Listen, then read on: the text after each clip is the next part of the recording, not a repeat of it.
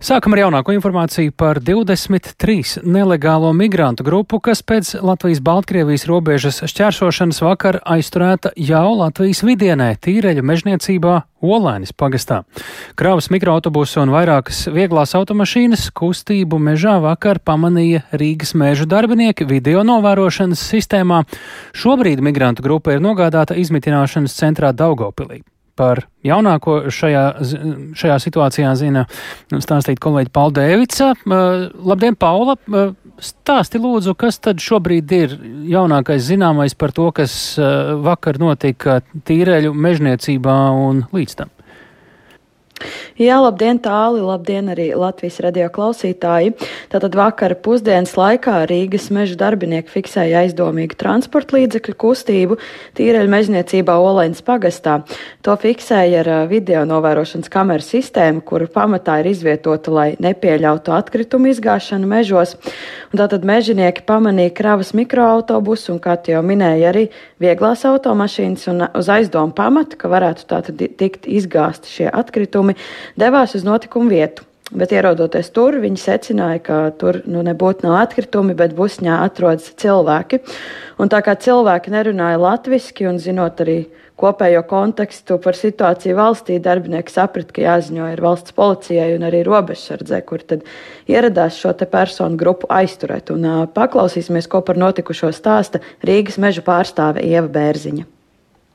Mums ir jābūt gataviem un operatīviem reaģēt uz dažādām situācijām. Nu, mēs uzskatām, ka mūsu darbinieki pareizi reaģēja, proti, ka viņi laikus sūtīja visu informāciju tiesību sargājošām institūcijām, jo, nu, protams, mums tas nav tipisks gadījums. Mums tipiski varbūt būtu strādāt ar atkritumu izgāzējiem, nelegālajiem, protams, bet šajā gadījumā šo atkritumu vietā mūsu darbinieki ieraudzīja pavisam citu ainu. Jā, jāatzīmē, ka situācija kopumā šādos gadījumos var būt arī diezgan bīstama, jo nevar paredzēt, kā šie cilvēki var rēģēt uz aizturēšanu, kā arī nav zināms, vai eh, šie cilvēki var būt bruņoti un kādā reizē tā var būt. Taču šoreiz par laimi Rīgas meža darbinieki atzīst, ka situācija ir bijusi mierīga un nav bijis nekāds īpašs apdraudējums. Un eh, valsts robežsardzē Latvijas radio tātad skaidro, ka kravas mikroautobusā bija 18 cilvēki no Indijas un 5 no Eritrejas. Un informācija par cilvēku valsts piedarību gan ir iegūta no pašu liecībām, jo personu apliecinoši dokumenti viņiem nav bijuši tāli. Jā, Paula, kas tad līdz šim ir noskaidrots par to, kā viņiem ir izdevies nokļūt jau tik tālu no robežas valsts vidienē? Robežsardzē zināja teikt, ka Latvijas-Baltkrievijas robeža tiks čērsot jau pirms vairākām dienām, un tad nu tālāk, protams, migrantiem kāds ir palīdzējis, un paklausīsimies, ko par to saka Rīgas dienesta pulkvežleitnants Gatis Ruža kopumā aizturēšana bija ļoti mierīga, jo personas eh, dažas dienas atpakaļ bija šķērsojušas, cik saprotams, eh, nelegāli Latvijas-Baltkrievijas robežu, līdz ar ko viņas eh, kaut kādā mērā arī bija novārgušas un neizrādīja nekādu neagresīvu, ne pretestību, bet sadarbojās savu iespēju robežās un palīdzēja mums viņus aizturēt, teiksim tā.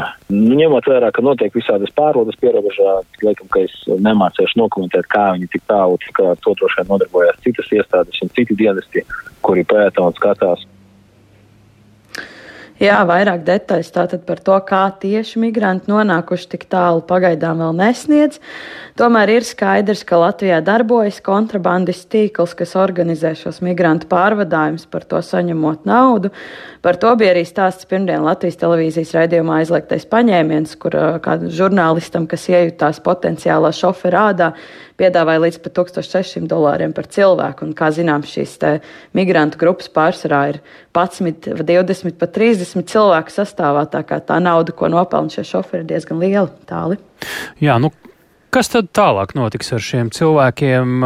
Viņi, kā jau mēs sākumā teicām, ir nogādāti Daugaupilī izmitināšanas centrā un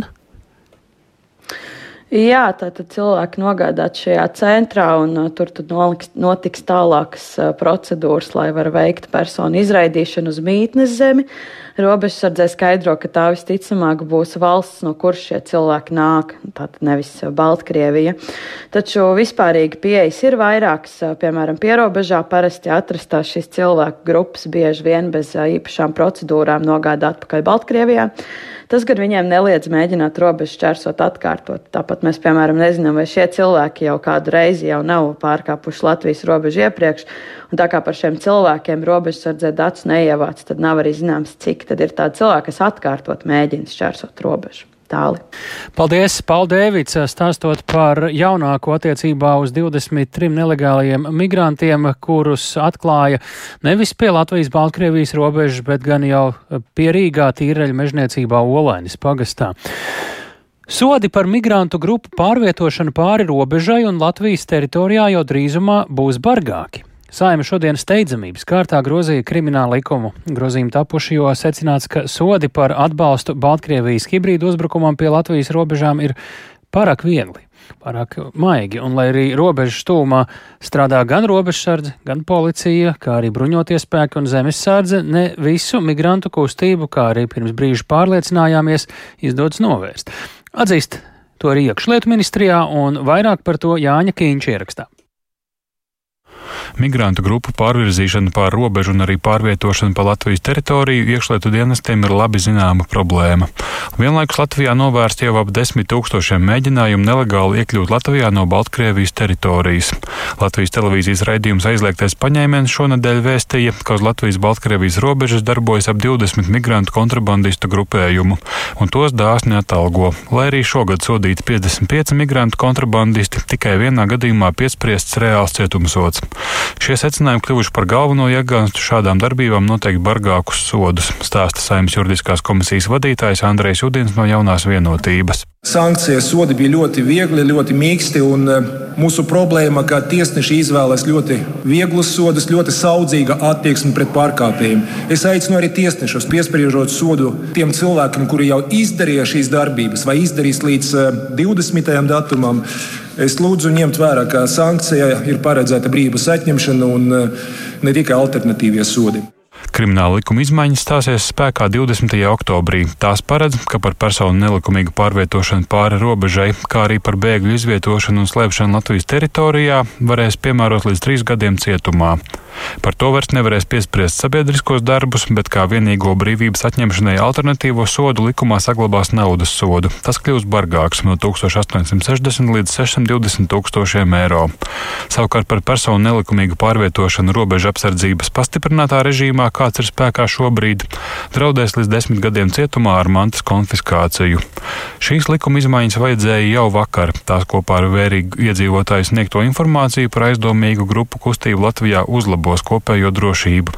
Pārliecināts ir iekšlietu ministrijas parlamentārais sekretārs Igors Rajevs. Nu, nevienmēr tas ir tik vienkārši viņus notvert, un nevienmēr ir tik vienkārši dabūt uh, lietišķos pierādījumus, lai pierādītu, ka viņi ir uh, veikuši uh, noziegumu. Bet pie tā, protams, tiek strādāts, pie tā darbojas gan mūsu, mūsu robežsargi un policisti uz robežas, gan, protams, arī mūsu dienesti. Ja ir modri uh, valsts pilsoņi, kuri redz kaut kādus pārkāpumus, viņiem, protams, par to ir jāziņo, lai mēs kopā varētu novērst šos draudus. Jo tie nav draudi robežsardzei, tie nav draudi policijai, tie ir draudi mums visai sabiedrībai un valstī kā tādai.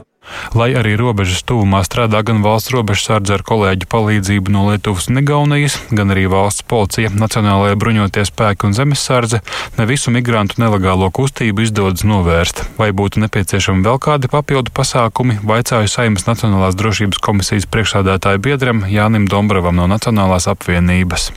Nu, valsts ir paredzējusi konkrētu rīcību pie dažādas aktivitātes. Tas, ko es varu teikt, ka, protams, simtprocentīgi nezinu, vai izdodas visus gadījumus izķert jo tie ceļi un radošums parasti ir neierobežots. Bet es domāju, ka Latvija tomēr rāda priekšzīmī visai Eiropai, nu arī līdzās Lietuvai, Polijai, kā tomēr apturēt šādu masveida imigrāciju. Ko nevarētu teikt par citām Eiropas valstīm, kuras eh, savulaik ir bijušas kā caurie vārti, caur kuriem milzīgas eh, šīs migrantu grupas ir ieceļojušas Eiropā. Saimas deputātu atbalsts bargākām sankcijām migrantu kontrabandistiem bija vienbalsīgs. Jānis Kincis, Latvijas radio. Lūk, tāds politiķu redzējums saimā, bet par situāciju uz robežas un par bēgļiem sarunu turpināsim arī rīt raidījumā Labrīt, kad īsi pēc septiņiem iztaujāsim iekšlietu ministru Rihārdu Kozlovski no jaunās vienotības.